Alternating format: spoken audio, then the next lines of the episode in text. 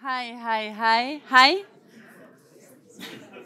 Hei og velkommen til Litteraturhuset i Bergen og til en samtale om en av det vel veldig mange vil eh, kalle for en av de store, store, store klassikerne fra Bergen, Georg Johannessen.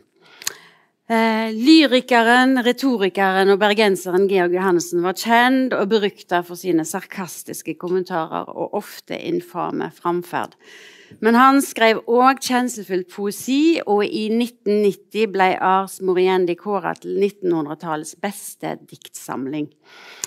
Johannessen ble Noregs første professor i retorikk, men, ha, men han posisjonerte seg òg i konstant opposisjon til det etablerte akademiske miljøet.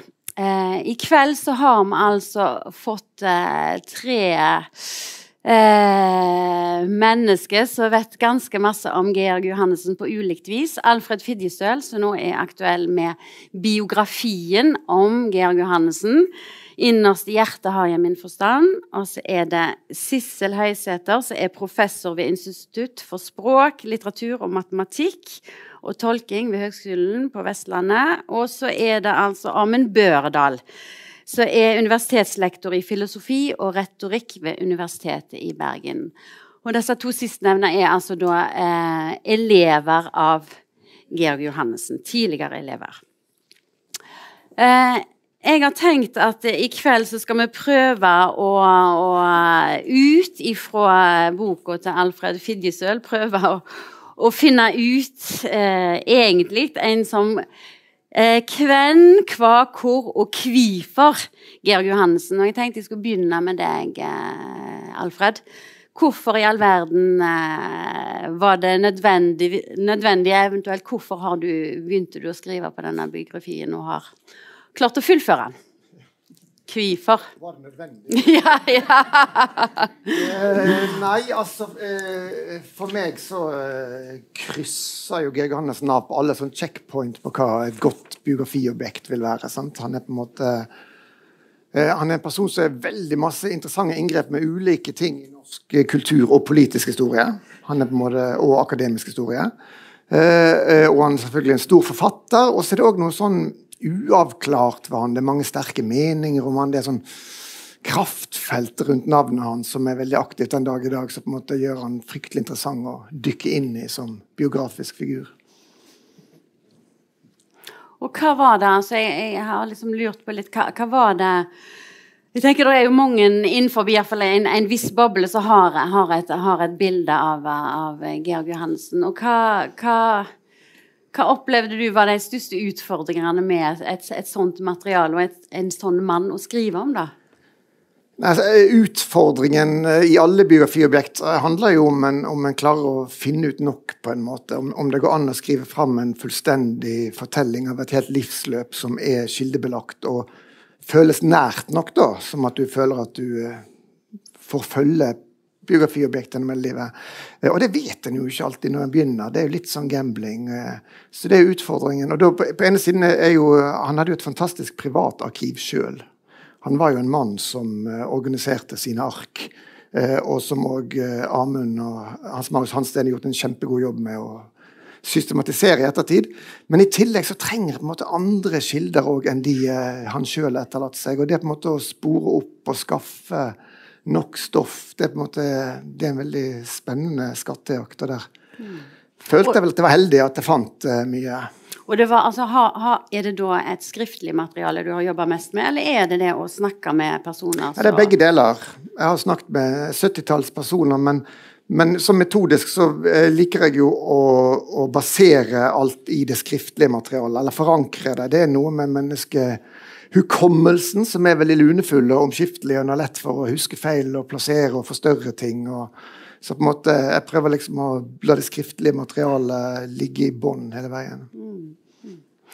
Men altså når du da går til et sånt uh, arbeid og verk og, og, uh, og har en, en mann som så var altså Jeg må kunne si at det var mange myter knytta til, til, Georg Johannessen. Eh, opplevde du at det, at det, var myter som ble bekrefta eller avkrefta, eller dukka det opp nye myter, eller hvordan, hvordan, var det å forholde seg til en sånn ja, mytisk personlighet? da? Ja, jeg har, jeg har ikke forholdt meg noe sånn systematisk til det som måtte finnes av myter om han. altså mm ofte er det jo sånn Hvis en skriver biografi om en person som er biografert mange ganger tidligere, typisk Ibsen, så er det jo vanlig at en moderne biografi vil begynne med hvordan dette tidligere er framstilt, og hva viser seg å være myter og sånn. Men her følte jeg, her er det jo tross alt det første biografiske arbeidet om Geir Johannessen, så der har ikke jeg hatt noe sånn behov for å sortere i mytene. men eh, men jeg er jo sjøl vokst opp altså Jeg husker jo primært den seine Georg Johannessen, som sikkert de fleste her òg. Den markante samfunnsdebattanten, akademikeren, mannen med skjegg som sa frekke og overraskende ting på, i avisene på TV. Og så har på en måte, når jeg skulle nøste opp hele dette livet, så har jeg òg måttet finne fram til denne mannen før dette, da. Fra før det jeg sjøl kan huske. Denne litt så sarte lyrikeren som entrer scenen på norske 1950-tallet og gjør noen uhyre interessante sånne første intervensjoner i offentligheten. Mm. Og det liksom finne, finne den mannen òg bak, bak, denne figuren som vi ofte ser for oss når vi snakker om Geir Johannessen. Det har vært en utrolig spennende jobb. Mm. Da tenkte jeg at jeg ville høre litt med deg som da rett og slett var veldig tett knytta til, til Georg Johannessen i form av å være elever av, av Johannessen. Og du Sissel Høysæter, jeg spør deg bare enkelt og greit. Altså, hva var, hva var liksom ditt første møte med Georg Johannessen? Ja, altså eh, nå er det, I disse dager er det faktisk akkurat 40 år siden jeg fikk Georg Johannessen som veileder på hovedfag i norsk på, oppe på universitetet. Og da, eh, da, skjedde det på den måten. Det var jo ikke det første kjennskapen min til han at jeg plutselig ble introdusert for han så klart, for jeg hadde tatt eh, grunnfag og mellomfag. Og hadde jo hadde blitt veldig fascinert av Georg Johannessen, men var òg helt sikker på at han var ikke noe veiledermateriale for meg. Og grunnen til det var, var ting med meg. Eh, jeg, jeg eh, hadde eh, sklidd gjennom fagene på en måte, uten å, å liksom bli så voldsomt engasjert eller så faglig oppdatert som jeg kanskje burde. Sånn at jeg følte at jeg ikke ville tilfredsstille noen krav som han, jeg trodde han hadde til en hovedfagsstudent. Så, så jeg valgte meg en annen og, og, begynte med forhandlinger der. Men plutselig en dag så var det bestemt at jeg skulle, pga.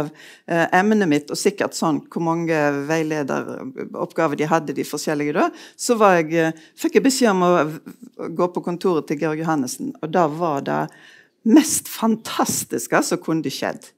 Det viste seg nemlig at han slett ikke hadde den typen krav som jeg eh, forestilte meg. Han hadde bare én type krav, og det var det at du var lærevillig.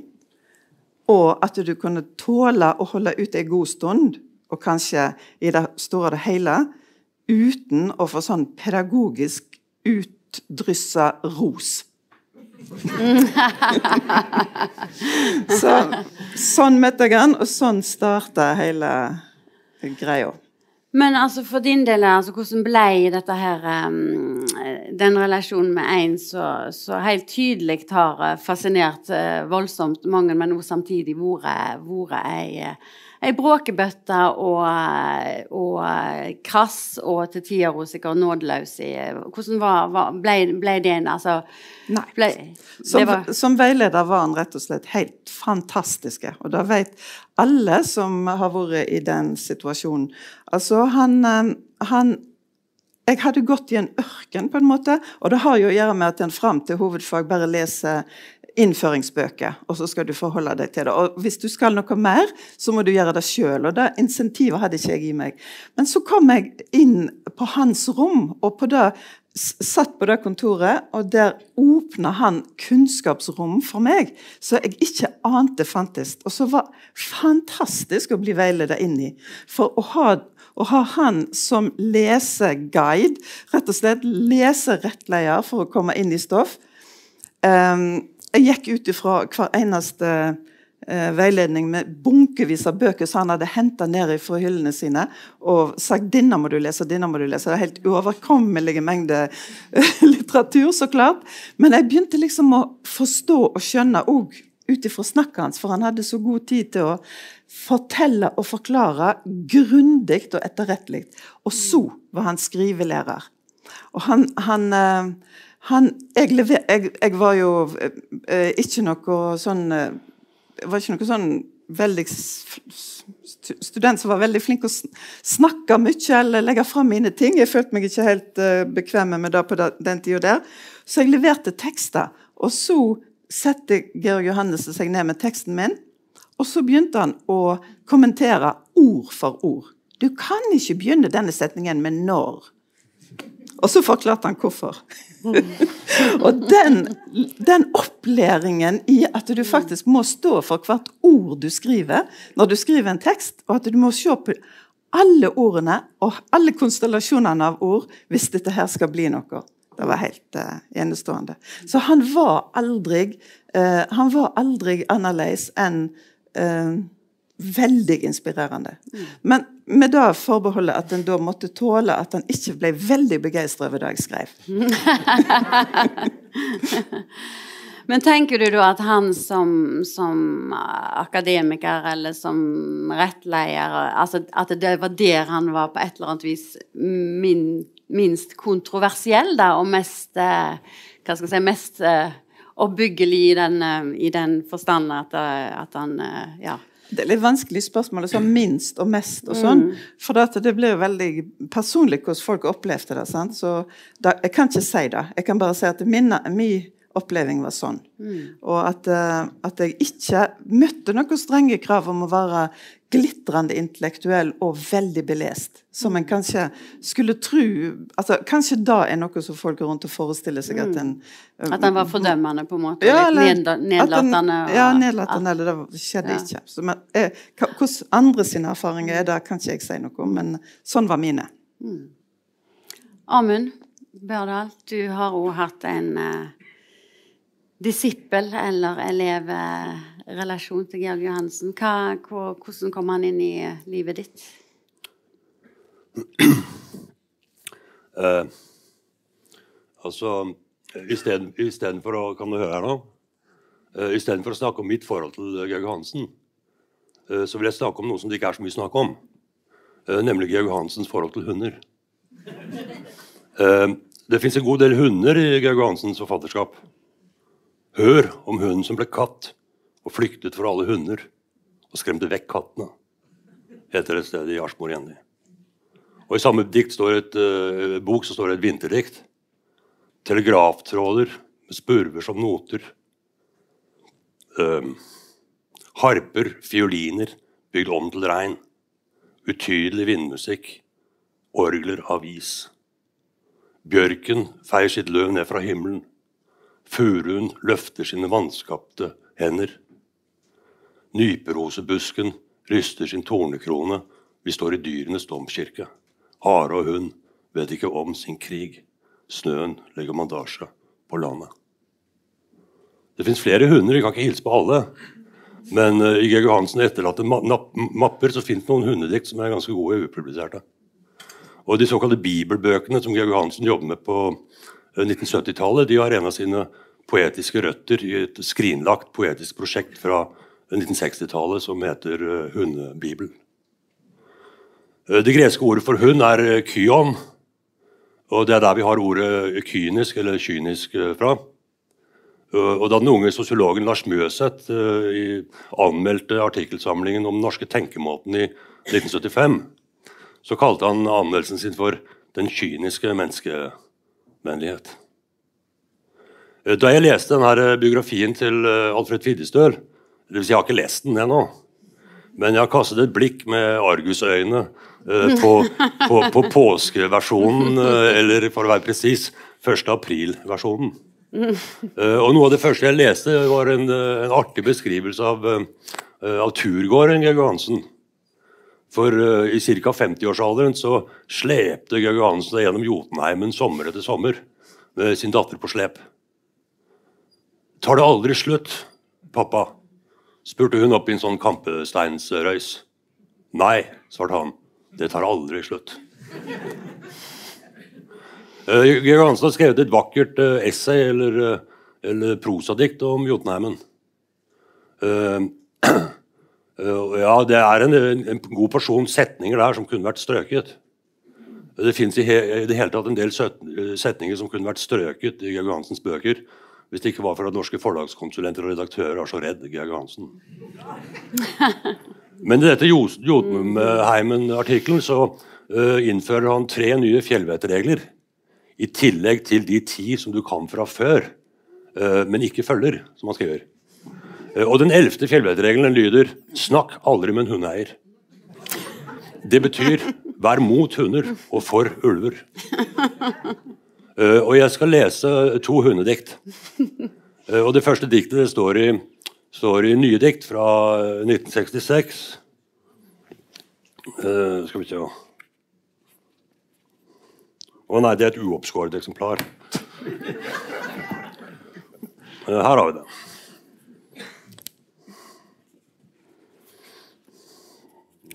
Jeg har fått tillatelse til å lese to korte dikt. Det første er bare på fem strofer. Eh, det er en liten anekdote som er knyttet til dette diktet fra lenge etter at diktet ble skrevet.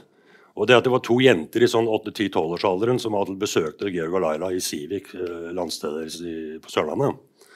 Eh, og De kjente godt til flere av Georg Hansens dikt. Jeg tror de fikk dem lest høyt. Og sånn.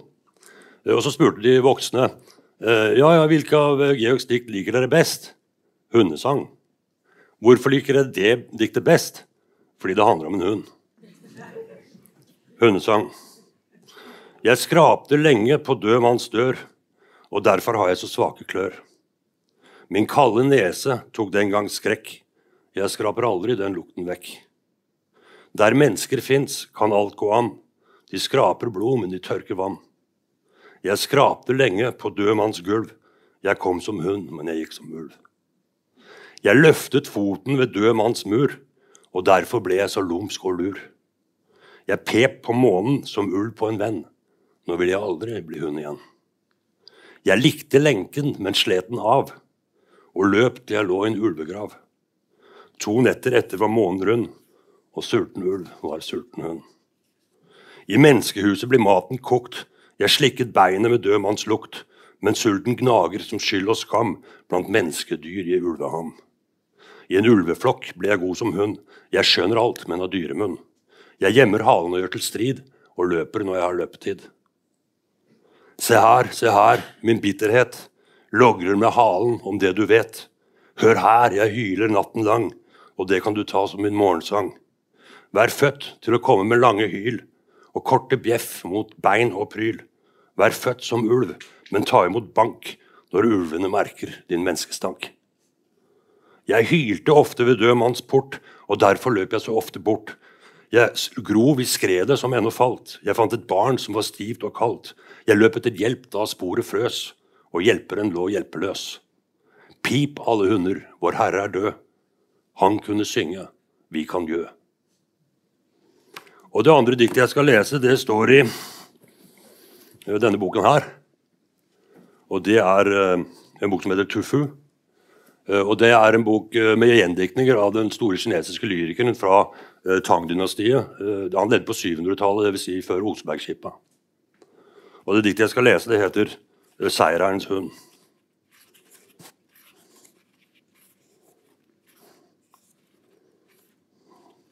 Eh, Seierens hund. Jeg seiret. Det skumrer. Jeg går over slagmarken. Jeg holder en svart fane i, eh, fane i hånden. Min kamphund bjeffer mot døende fiender. Jeg peker på lik og sier til hunden 'et'. Jeg peker på blod og sier til hunden 'drikk'.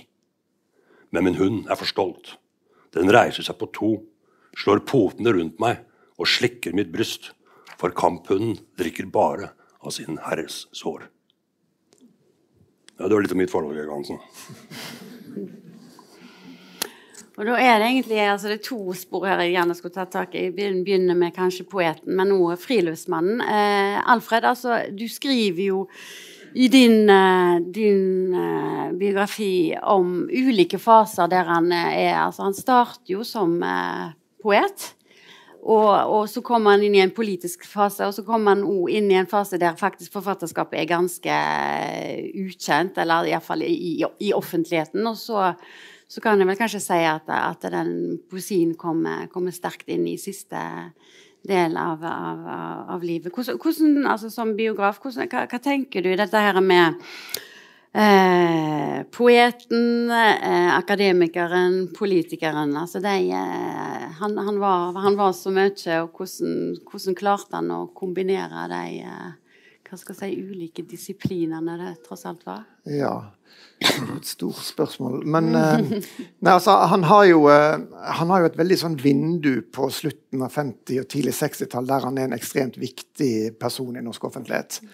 Eh, og Da står han fram som en sentral skjønnlitterær med debutromanen 'Høst til mars' i 57, og så kommer han med dikt i 1959 i 1959. Eh, samtidig som han er veldig synlig eh, i en del tidsskrift på den nye norske venstresiden. Dette er jo før vi har fått et parti. altså Vi har jo NKP, men vi har ikke SF er ikke stifta ennå. Eh, og Da skriver han i tidsskrift som Orientering og Fossekrimen, som er en stund etter veien fram. Og Der skriver han en del maktkritikk av Arbeiderpartistaten. Det Mye handler om sikkerhetspolitikk, Nato-kritikk, atomvåpenkritikk.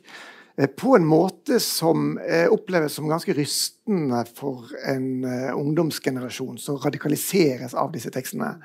Det er veldig mange uavhengige vitnemål av forskjellige gymnasmiljø og etter hvert de som skal bli kjent som Profilkretsen. Og, eh, viktige norske forfattere som får en slags politisk oppvåkning gjennom tekstene til Georg Hannessen.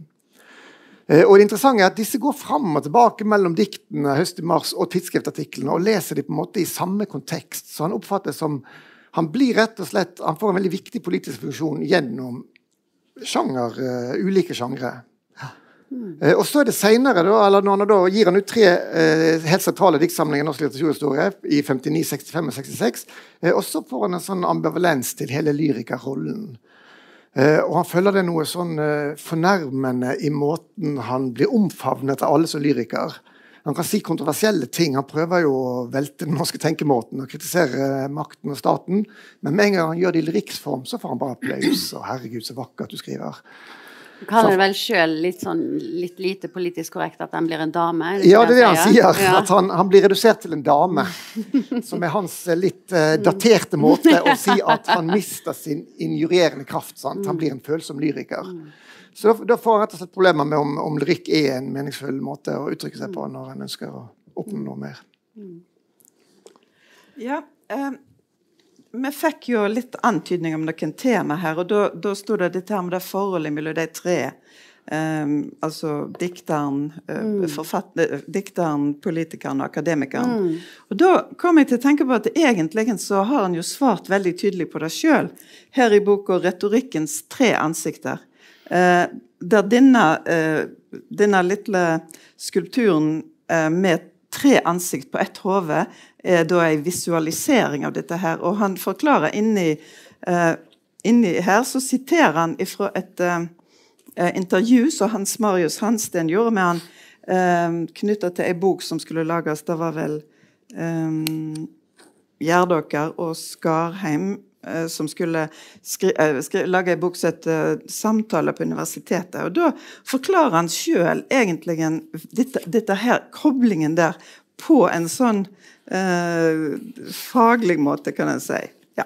Han skriver det at, at dersom, du de, dersom du deler GJ inn i tre Én Dette er på nynorsk, for det var Hans Marius har skrevet det på nynorsk.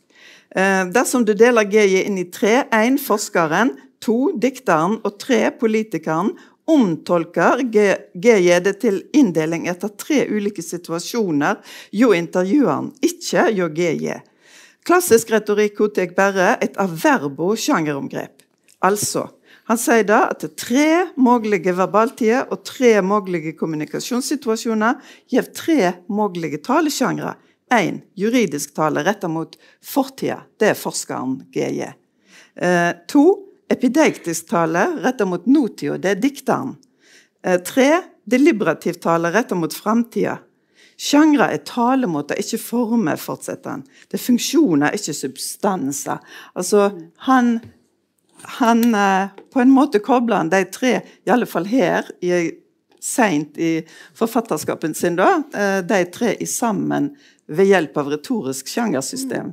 Jeg syns jo det er et eh, for meg veldig treffende og bra måte å forstå det på, for det kommer fra ett subjekt. Og det er den Det er Ja, Amund? Nei, Jeg bare kom til å tenke på en sånn sentens. da. Uh, han skriver et eller annet sted, eller gikk rundt og sa, at uh, skillet mellom, uh, mellom, forskning og diktning er laget av en dum forsker. og da prøvde jeg å forbedre den setningen ved å si at skillet mellom diktning og forskning er laget av en lur forsker. Men det har litt med det du snakker om. Ja. Mm. Men du, Amund, du svarte litt på spørsmålet mitt med å, å, å venne deg til Georg Johannessen sin eh, poesi. Men, eh, men du, du, du, har egentlig et litt annet svar første gang du da eh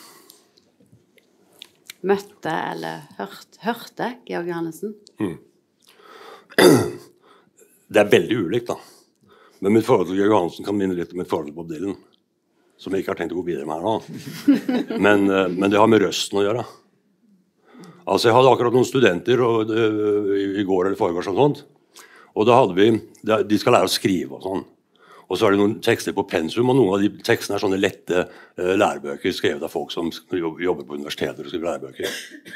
Uh, og så det, har de noen klassikere og uh, vanskelig tunge, tilgjengelige tekster. Og de kan være fra 50-tallet eller fra antikken. eller noe annet. Og Da er det et viktig skille, og det er det folk som ikke kan skrive. De skriver muntlig. I denne oppgaven skal jeg snakke litt om. Det er de 19-åringene. Og så er det de folkene som du da kan uh, uh, si at de, de som en, en, som kan skrive, skriver skriftlig. Og det er det, den sakprosaen som er alle steder. I det følgende skal jeg argumentere for at osv. Og så er det de som kan skrive, og de skriver muntlig. Men da har de gjenerobret muntligheten på et høyere nivå. Og Grunnen til at man da returnerer til disse klassikerne, det er for det første at man skjønner ikke hva som står der. Slik at Det ene forskningsfeltet det, forskere andre, det blir forskningsfelt hva Aristoteles eller en sånn har sagt. Uh, Francis Bacon eller sånn. Men du ville ikke interessert deg for denne uforståelige teksten hvis ikke det brøt gjennom en røst, en stemme, som gjør at du tenker dette er verdt å forstå. Og Derfor bør studenter med en gang utsettes for sånne klassikere. Og uh, Georg Hansen er ikke på, på uh, sitt utrope han til uh, liksom, uh, sentrum i verdenskanon. hans sjøl synes var.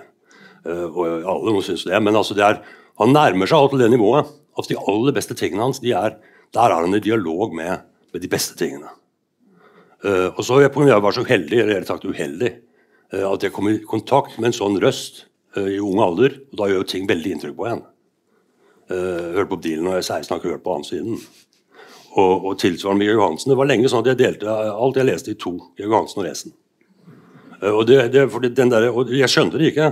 Jeg leste en bok som het 'Om den norske skrivemåten', og det var masse fremmedord. Og Jeg har fortsatt tatt vare på den lappen, hvor jeg da satt og skrev disse ordene. Slo opp i Norsk fremmedordbok for å finne ut hva det betyr. da. Og det tror, da, det tror, jeg da, er en riktig innstilling til mye av det Georg Johansen har skrevet, det er at du er lærevillig. Hvis du allerede er en opplest og vedtatt professor, så er det veldig mye av det Georg Johansen har skrevet som bare lukker seg med en gang. Hvis du er en, en lærevillig 19-åring eller 29-åring eller 69-åring for den del, hvis du er åpen, så kan du lære noe av det. Du kan lære noe av det fordi det i utgangspunktet er uforståelig. Han likte å sitere en setning av Adorno. Eh, bare det som er eh, uforståelig er verdt å forstå. Eller noe, noe sånt. Og, og, han har jo det, det preget, da. Ved første øyeblikk så ser et sånt essay kaotisk ut. Det er først ved gjennomlesning nummer 18 at det liksom begynner å Så det, Jeg vet ikke om jeg svarte på spørsmålet, men, eh, men, men apropos røsten. da, Den første setningen jeg hørte Jeg, ble, jeg hadde begynt å lese Georg Johansen, eh, og så ble jeg veldig forbauset når jeg hørte stemmen hans. Fordi jeg bodde i Oslo. Oslo vestkant. Og hvis du bor i Oslo, så har du, så har du ikke vært i Norge. Så du har ikke hørt noen dialekter og sånne ting. Og da, så jeg har omtrent ikke hørt bergensk. Og når jeg leste, så hørte jeg en sånn Oslo-stemme. Jeg hørte en sånn litt hard Oslo-stemme. Og så var det, Dette var i 1984, og så var det jeg hadde akkurat lest den Orwell-romanen.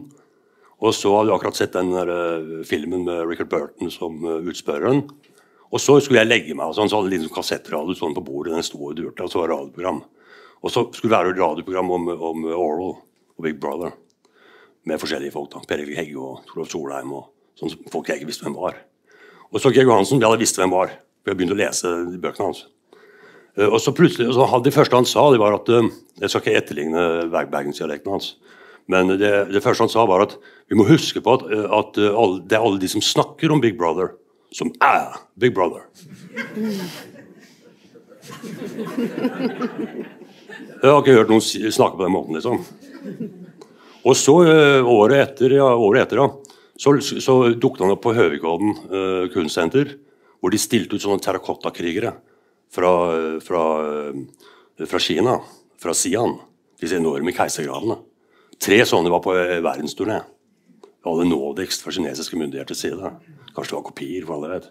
Men uh, da hadde, da hadde gitaristen i, i, det aller verste han hadde da, Chris Eriksen hadde greid å hyre Inge Johansen til å lese de 37 diktene i Tufu. Og så var det en pause, og så leste han hele Arsmor igjen. Uh, og så fikk jeg et opptak av det, liksom. og, da, det, og det, var helt, det gjorde et enormt inntrykk. Og det er grunnen til at jeg er i Bergen. ja, det er rett og slett.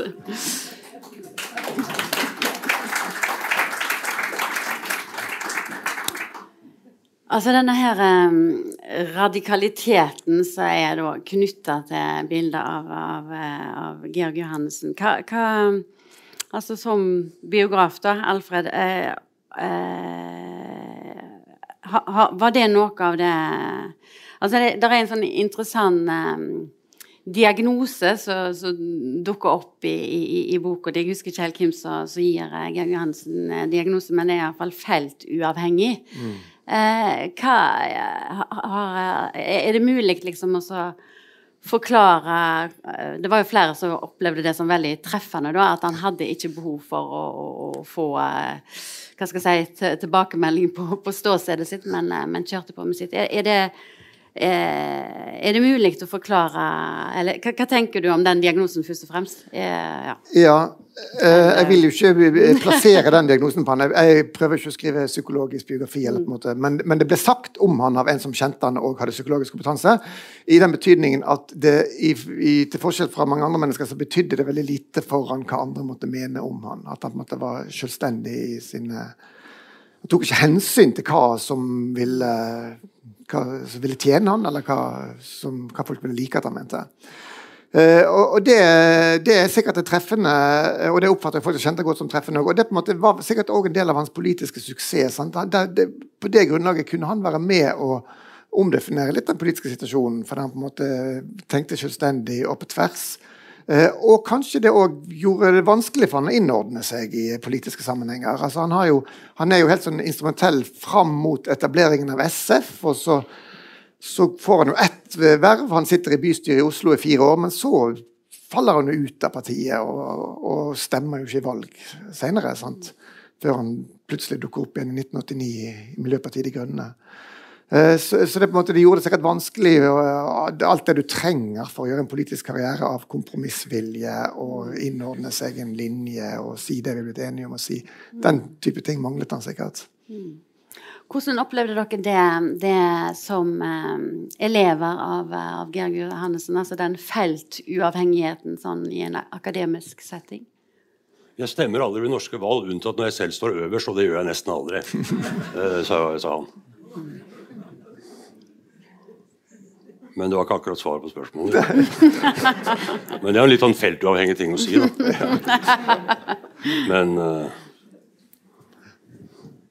Ja, den der feltuavhengigheten gjorde han jo alltid uh, til uh, En ble jo nesten alltid overraska over hans uttalelser hvis noe hadde skjedd, og en, en, tenkte seg nå mener vi det, nå mener de fleste det, så mente han alltid noe annet. litt grann annet. Han var alltid, så alltid tingene litt grann ifra utsida. Han, han kanskje, Kanskje var det begavelsen hans som gjorde at han, at han, hadde den evnen til å se ting på den måten. Jeg tror Han hadde en slags, han var jo så fantastisk god å lage metaforer, som jo er ekstremt vanskelig. Og Det krever jo at du ser flere ting i sammen som ikke folk flest legger merke til har med hverandre å gjøre. Men det var òg en sånn å posisjonere seg utenfor. Og jeg, altså Når, når en ja, altså når en uh, var opptatt av den akademiske sida av, av han, så, så, er det klart at uh, en, en forholdt seg jo til denne uh, feltuavhengige radikalismen hans. Og veldig mye på den måten at en tenkte ja, sånn er det jo egentlig. Men det er forferdelig vanskelig sjøl å ikke høre til den der store enighetsfellesskapet som bare blir besnæra. 'Å ja, nå, og nå mener vi sånn, for det er det gode å mene.' Og så kom han og sa noe som plutselig setter det hele litt i spill. Og du ville gjerne være der, men det er jo ikke alle gitt å kunne tenke sånn. Mm. Og dere ble ja, amen. Jeg tenker på det med, som, eh, som Fidestøl var inne på, det der med, med politisk samarbeid. altså Hvor du da liksom må ja, du må gå litt omveier, og det er ikke like, like morsomt hver dag. Men du gjør det langsomme arbeidet. Um, altså Den uten med god margin lærdeste av Georg Hansens eh, disipler, eh, Bjørn Kvalsvik Nikolaisen. Han leste seg fort forbi det Georg Hansen hadde lest. Eh, har du sett Bjørn lese, uh, Georg? Og han husker det òg. Men han sa, sa, en gang at uh, han visste det var to kommunister ved Universitetet i Bergen. Det var Georg Johansen og så en kar som heter Daniel Apollon. Og de hadde det til felles at de kunne ikke samarbeide med noen. Og Det er kanskje altså, det er litt vanskelig grunnlag for å, for å lage kommunisme. for å si det på en måte. Men, men, det er klart at det der er et tema og en, spenning hos Georg Johansen. Det er et slags skifte i tingene òg. Uh, la oss si sånn Tidlig på 70-tallet, hvor han var i SF, så sa han jeg aldri hørt om en partiløs sosialist. Og så fem år eh, seinere hadde han liksom status som partiløs kommunist. Men i utgangspunktet så definerte han det å arbeide altså Han sier også et sted at, uh, at å, å, lese budsjetter og sånne ting, det er viktig, viktigste for flinke folk. Sånne dumme samfunnskritiske pakkspøker kan idiotene skrive. Liksom. Uh, slik at jeg tror det var et tap for ham å ikke liksom på en måte kunne bli værende i i en, uh, en, politisk kultur som ikke bare er på uh, ytringsnivået, men som er knyttet til praktisk arbeid. Han vil jo gjerne jobbe i bystyret og sånne ting, med boligsaker og ja. Den perioden han satt i bystyret i Oslo, så var jo det, det var jo boligpolitikk i Oslo han jobbet med. Mm. Eh, og, han, og, han, var jo veldig kritisk til disse som skrev pakkspøker og forfattet avskyresolusjoner mot internasjonale nyheter hele tiden. De som forvekslet resolusjon med revolusjon. Uh, og han ville jo ikke inn i kulturkomiteen, og sånn, så det han jobbet for, det var jo å utjevne de sosiale forskjellene i Oslo. Og blant annet så var jo han en av arkitektene bak at jeg fikk bygd billige blokker òg på vestkanten på Ulland, et område som var regulert. Sånn at det måtte skulle kunne bo folk med rimelige inntekter òg på beste vest. Mm. Og det var det som var politikk for han da, når han uh, engasjerte seg i SF. Men han prøvde seg jo altså, en ny politisk runde i Bergen. og den, eh, altså, Hvordan vil du se på den, liksom, med MDG og Ja, ja øh, han, han, var jo førstekandidat for MDG Hordaland i 1989. Så var det store miljøvalget i, i Norge, men som MDG ikke klarte eh, å ta noe del i. Eh, og, og, da ga jo han seg med en gang etterpå og sa at eh, han sa vel noe sånt som at det var syv medlemmer i MDG, og de normale var i knapt flertall. men, men, eh, men, eh, nå er MDG blitt et etablert parti i norsk politikk, så det er, jo, det er jo et eksempel på at han ennå en gang var han jo der det skjedde. sant? Han var der da SF eh, ble oppretta, og han var jo der. Han var rett, rett, og slett litt for tidlig ute da MDG ble oppretta. Mm. Han sa om han, han, sa jo akkurat det der at de, de normale var minst mulig flertall. Men men eh, ikke, han gjorde ikke det på spøk. Altså var, han mente det er klimaspørsmålet altså, I Oslo bystyre i 1969 så fremmer han forslag om at eh, Oslo sentrum bør stenges av for biltrafikk. Og Det gjør han på bakgrunn av en svensk rapport to år eldre, som rett og slett går gjennom disse klimakatastrofene. Erling Aaland sitter i salen her, men vi får ta det bak muren. Men, men altså veldig forutseende på det punktet. Og han snakker altså midt på 70-tallet. eh, om at hvis ikke dette forandres, så vil det komme til å gå veldig galt. Han er ikke den eneste som sier sånne ting. Rander som mange andre. Men, men, eh, men det er sånn eh, det Ved siden av atombomben så anså han det for å være den store faren. Men øh, Hvis jeg tråden, det gjør man jo alltid. Det var noe apropos det du sa. Men altså, for, for deres del så hadde han eh, i utgangspunktet en eh, altså, for, Forskeren eh, Georg Johannessen, hvordan opplevde dere den politikeren liksom, i den perioden dere jobba med Var, var det liksom umulig egentlig å, å skille det, eller var det altså, i forhold til det, og etableringen av Retorisk forum, og, og hvordan han liksom etablerte seg ut forbi en, en nå kom jeg på det, så skal jeg til stille, så kan vi få ordet. Eh, han sa om De grønne at, eh, at, forskjellen på han og de andre, det var at, eh, at han var grø, grønn utapå og rød inne, ikke omvendt. Ja. Du tygger litt på den.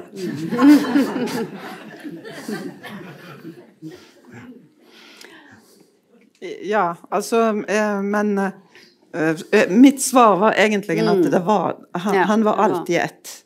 Eh, og det var, mm. ikke, det var, ikke, sånn at du traff han, og da var han eh, Nå var han forskeren mm. eller akademikeren, og så, mm. og så, kunne du treffe på Og så kunne du Det var bare alt i en eh, Alt i en Ja.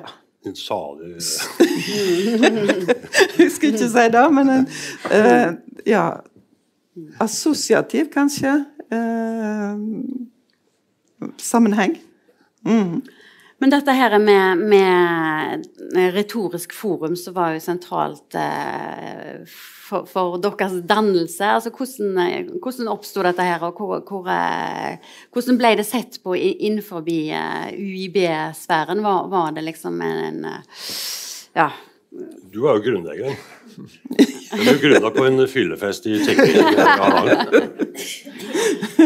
ja, altså, hvis den, hvis den, da svarer deg litt uh, Ikke bare akkurat på, mm. på hvordan det foregikk, så, så, var det jo sånn at ikke før hadde Georg Johannessen etablert seg um, som akademiker i norskfaget. Så begynte han å, å um, reformere det.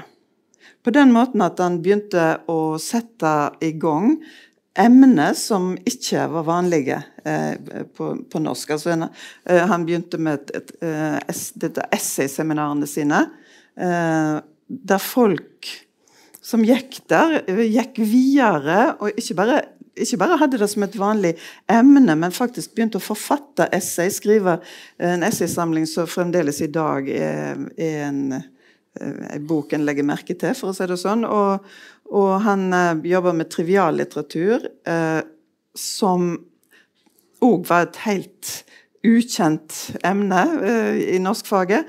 Og så videre, ikke sant, med da etter hvert retorikk og interessen for sakprosa. Veldig, veldig sånn Kom inn med en energi og en nytenking som, som var helt radikal og fantastisk.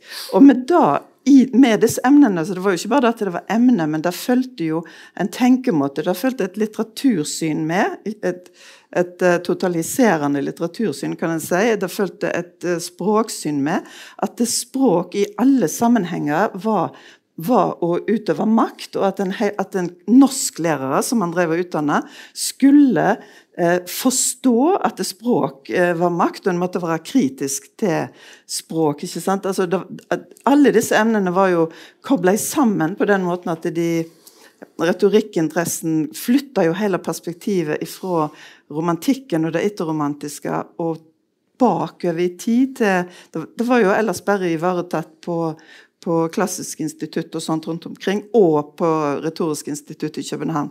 Og Der kommer det, i Bergen, kom opp, danna seg et uh, miljø rundt han, for han var så inspirerende og uh, engasjerende. At uh, når en først fikk anledning til det, så, så, ville ikke folk gi seg helt når retorikkseminaret var over. Så, for, så laga det seg rent konkret, så begynte Retorisk forum med at uh, ei gruppe med hovedfagsstudenter skulle lese og, og kanskje skrive om retorika norvegica. Ehm, og hadde seminar om det. Først ett seminar på Utne, eh, der var ikke jeg med, så du var ikke med, så hvordan kan du vite det var fyllafest, egentlig? Jeg bare tuller. vi, vi, for å si det sånn, videonotat. Og så i september eller noe sånt, så var det òg et nytt. Og da var allerede denne planen Denne planen var født lenge på forhånd, eh, før det seminaret, at det skulle etableres et fastere gruppe som ville jobbe med retorikk. Og det, eh, det, det har fått lov å, å bli en myte, kanskje, eller en historie, da. At det skjedde når sola kom opp over fjellet Oksen, eh, på en benk i Tingviken, eh, eh, der eh, Bjørn Nikolaisen og jeg og Georg Johannessen satt der, og så sa vi ja, da blir det sånn. og sånn ble det. Det ble fulgt opp.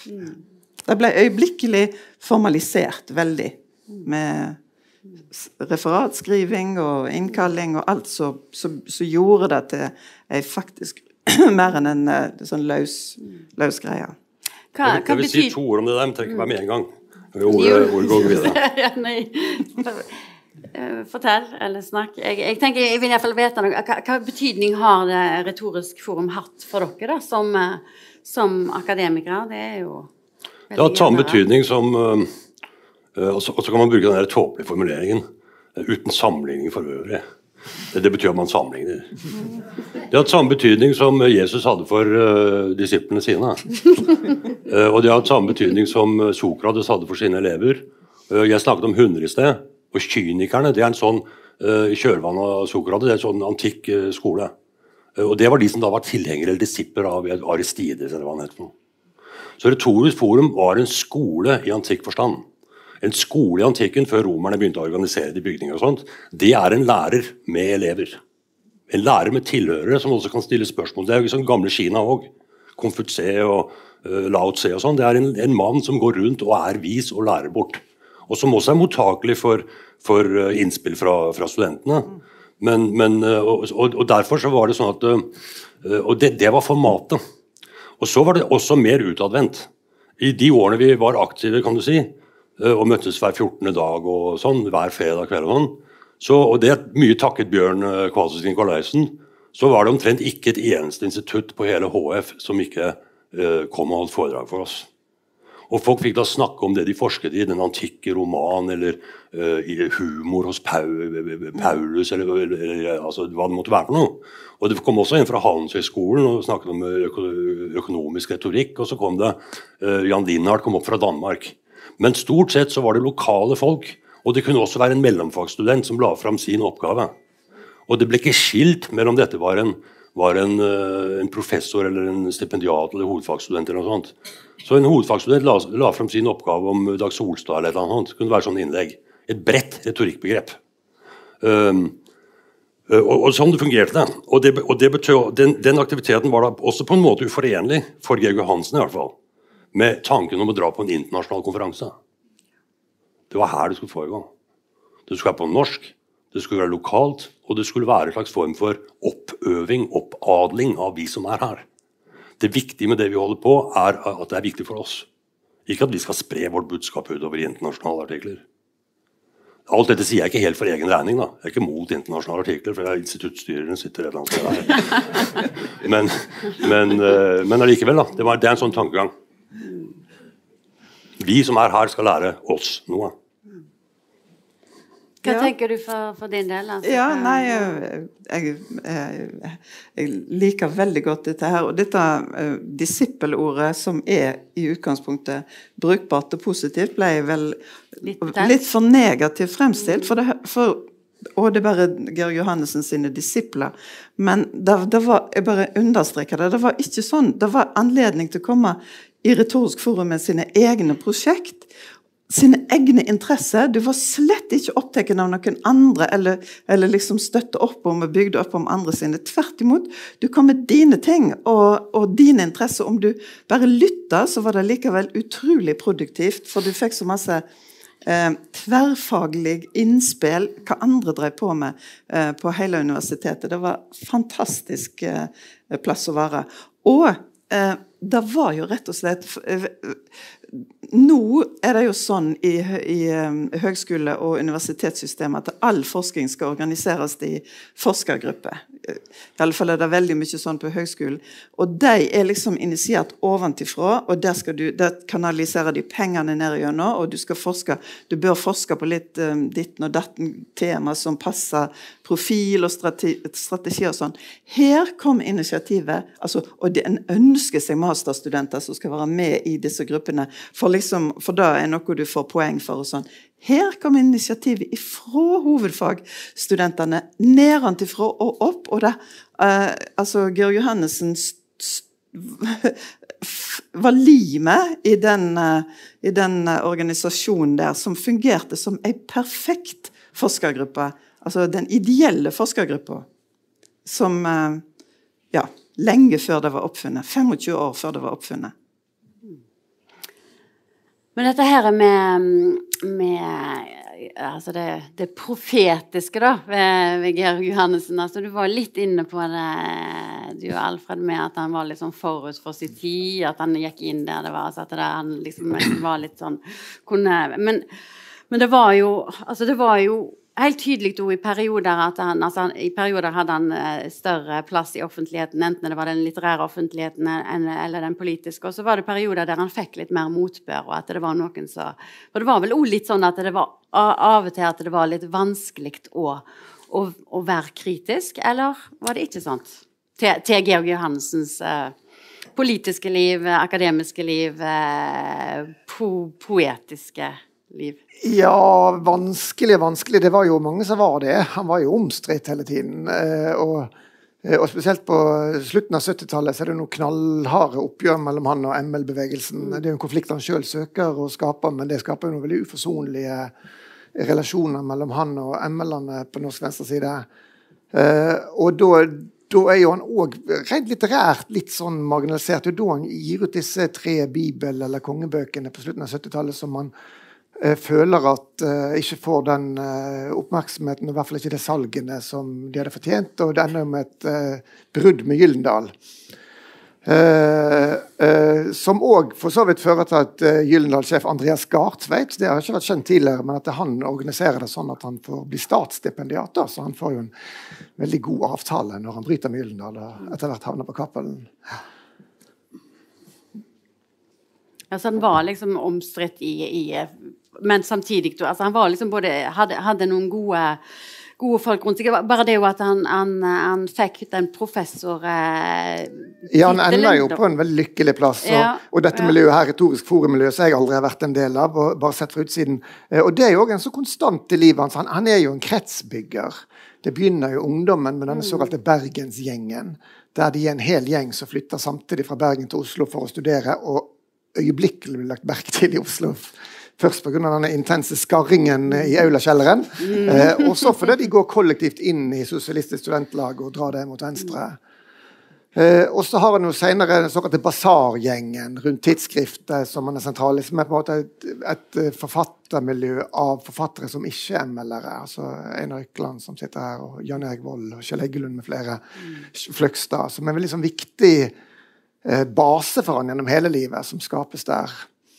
Og han har et sånn sosialt krets på Søndeled, sommerhuset. Så han er jo en kretsbygger som ender opp i med Retorisk forum som 90-tallskretsen mm, sin. Mm, mm. Og en professortittel som han får da uten at han har en doktorgrad. Ja. Så, så der, men jeg har liksom lurt litt på altså, eh, Ville vil en kunne takle en, en så en, en, Georg Johannessen hvis han hadde levd noen tiår ti senere? Altså, jeg tenker politisk, men jeg tenker òg ja, altså, som en sånn offentlig meningsytrer generelt. Og blant annet, altså, du har jo et sånn Det er mange sitater som er blitt stående, blant annet dette her med altså hans måte å omtale kvinner på, blant annet. Altså han har jo en sånn Kristin Halvorsen-slogan eh, som handler om uh, handler om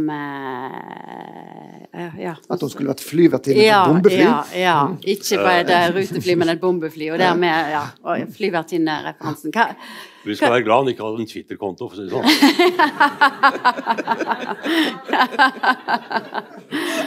Han, han er på en måte Twitter før Twitter, for det er ofte 140 tegn han trenger for, for å stoppe en karriere. Ja, hva tenker du? Nei, nei, jeg altså? tenker, jeg tenker nå, nå er det jo eh, 17, 17 år siden han døde, og jeg syns allerede det åpner seg en sånn historisk avstand til hans tid som er litt interessant eh, å oppdage. Det var det, det Nei, det ville ikke vært rom for en Georg Johannessen i dag, og han ville jeg tro. Jeg ville, han ville i hvert fall ikke fått uh, samme tilgang til posisjon og karriere. og uh, ville ikke så jeg, jeg tenker det, det var fortsatt på 90-tallet og tidlig 00-tallet en slags sånn, mer sånn lekenhet i debattkulturen. En kunne si altså Det Kristin Halvorsen-utsagnet, det syns jeg er godt. Eh, Og jeg er feminist, men det, det har måte det en eh, Det handler jo selvfølgelig om at SV støtter bombingen av tidligere Jugoslavia. Det har en, en vidd i seg eh, samtidig som det har en brodd på en måte som gjør at det, også- det var vanskelig å forsvare seg mot. Kristian Halvorsen var litt parkert når det utsagnet kom. Og av og til bomma han jo og sa fæle ting, men, men det var liksom litt større rom med forståelse for at en kunne ta litt verbal risiko i offentligheten uten at du på en måte med en gang blir utdefinert og stempla og kansellert, som det heter i våre dager. Og Det er veldig, veldig interessant det der med, med forholdet mellom politikk og han har sagt teknologi og øh, materiell historie. Da. Altså En av Georg Hansens virkelig seriøse disipler, men han var aldri i Bergen, han bor på Raufoss. Og nå pendler han mellom Raufoss og, og Bø i Telemark. Arnfinn Aaslund. Det er han jeg ringer til hvis ikke jeg finner det sitatet jeg leter etter. For å si sånn. Eh, Han øh, skrev veldig interessant om Bjørnson. Eh, og pek på det at eh, Bjørnson ble født akkurat på riktig tidspunkt sånn eh, eh, reise og sånn eh, altså teknologisk. Fordi at eh, veinettet var bygd ut, så han kunne komme seg land og strand rundt. Men TV og radio sånn var ikke oppfunnet. Hvis Bjørnson hadde hatt sitt eget talkshow, så folk orket å se på det én gang. Men han kunne reise rundt og holde disse talene i friluft. eh, Og få en veldig påvirkning på den måten. Og, det, det, Sånne ting må man ha litt på avstand for å se. da. Eh, og, og det er klart det at Jeg tror ikke Johansen altså, Han kunne ikke vært på Facebook. Eh, og det er med en viss forstand litt sånn utdefinert, fordi at, fordi at alle har nå sin egen orientering. eller altså Alle nå driver og prater tøl på Facebook og sånne medier i ett steikende kjør. Det er ikke så lett for Georg Johansen å slippe til med tullet sitt. Rett og slett. Altså, jeg sier det litt på en kvasi måte, men altså det, det tror jeg. Jeg tror han blitt enda, drevet inn, enda mer inn i tausheten i denne mediesituasjonen vi har nå. Vi eh, nærmer oss faktisk eh, slutten. Jeg, jeg har lyst til å være i siste spørsmål, så egentlig det spørsmålet så så du, Alfred, eh, prøver å, å, å sirkle inn i, eh, i den eh, biografien din. Altså, hvem var, hvem var Georg Johannessen egentlig? Så vil jeg ha et svar fra dere alle tre. Jeg prøver ikke å sirkle inn. Jeg prøver å, eh, å tvert om å, å avfeie det. Eh, og det, det, var, det har jo vært en sånn norsk biografitradisjon. Den derre 'Har vi ham nå?' står det ofte i anmeldelsen når biografien kommer. Og, og, og det var en forventning til en biografi at du skulle ha en tese, liksom, og så skulle en forklare livsløpet ut fra den tesen. Eh, og sånn har jeg ikke prøvd å jobbe. Eh, liksom eh, Eh, Som en tenker om skjønnlitteraturen, jo mer kompleks og, og uforståelig og mangfoldig en eh, skjønnlitterær karakter er, jo mer interessant litteratur er det. Og sånn tenker jeg, sånn må sakprosaen tenke òg. Så jeg har ikke prøvd å, å redusere den til at jeg kan svare på det spørsmålet, men å vise fram eh, paradoksene og tvetydigheten eh, og det paradoksale med Georg Andersen. Ja, Da vil jeg heller at dere svarer på hva er det viktigste som står igjen etter, etter Georg Johannessen. Ja, det òg blir veldig vanskelig. Eh, For det, det var så mange ting, ikke sant. Men, så derfor satt jeg nå her og tenkte at eh, jeg vil heller svare eh, noe som vi ikke har snakket så mye om her nå, nemlig at han, når en da eh, var så heldig å, å komme inn eh, i denne kretsen, så var han faktisk så omsorgsfull og raus, og det var så mye entusiasme. Og eh, ja, rett og slett, det var en så god ting å være så heldig å kjenne han. Eh, Og det må en òg få med her, altså at han faktisk var en fantastisk omsorgsfull person eh, når du eh, var så heldig at du var i kretsen der. Du får siste ordet, Amund. Ja, Det er vanskelig å si hva som er det viktigste. Det er nesten alltid vanskelig å si. Det er nesten alltid noe som er viktigere. Ja. Men en av de viktige tingene som er etter Georg Johansen, det er denne biografien her. Jeg, det er sjelden jeg kommer i nærheten av et sånt arbeidsjern som han. Og han har i løpet av denne prosessen, særlig i Georgs liksom, omgangskrets, eh, vår og andre, fått kilometer med kjeft. Han har fått mye py, som det heter Bergen. Og han har jammen, uh, jammen tatt mye til seg av det òg. Og så har han visst å ikke ta det til seg hvis han øh, tenkte at nei, det er min formulering som gjelder. eller jeg, vil si det på den måten og sånn. Selv om han kommer rekende og har kjent Georg Johansen hele livet og sier du kan ikke skrive det om Georg Johansen sånn og sånn. Jo, det kan jeg. Så jeg har ikke lest den, men jeg gleder meg veldig til å lese den. Uh, og det er klart at det er en sånn, uh, en sånn uh, det står, Georg Johansen ligger og sover under en, en marmorstein på, oppe på Møllendal. Men det er også en sånn bauta i mindre målestokk. Det er flott at det finnes en sånn bok. Så det vil jeg framheve som en, en, viktig ting som er etter han.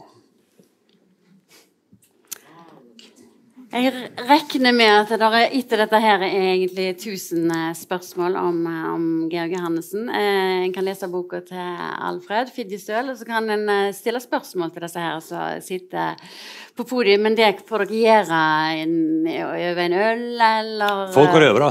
Folk og røvere, som sier. Eller rett og slett Wesselstuen. Men altså, tusen takk til Alfred Fidjesel, Sissel og Amund til å prøve å si noe Ikke sirkle inn, men å vise mangfoldet eh, i Georg Johannessens liv og virke. Og tusen takk til deg òg. Ja.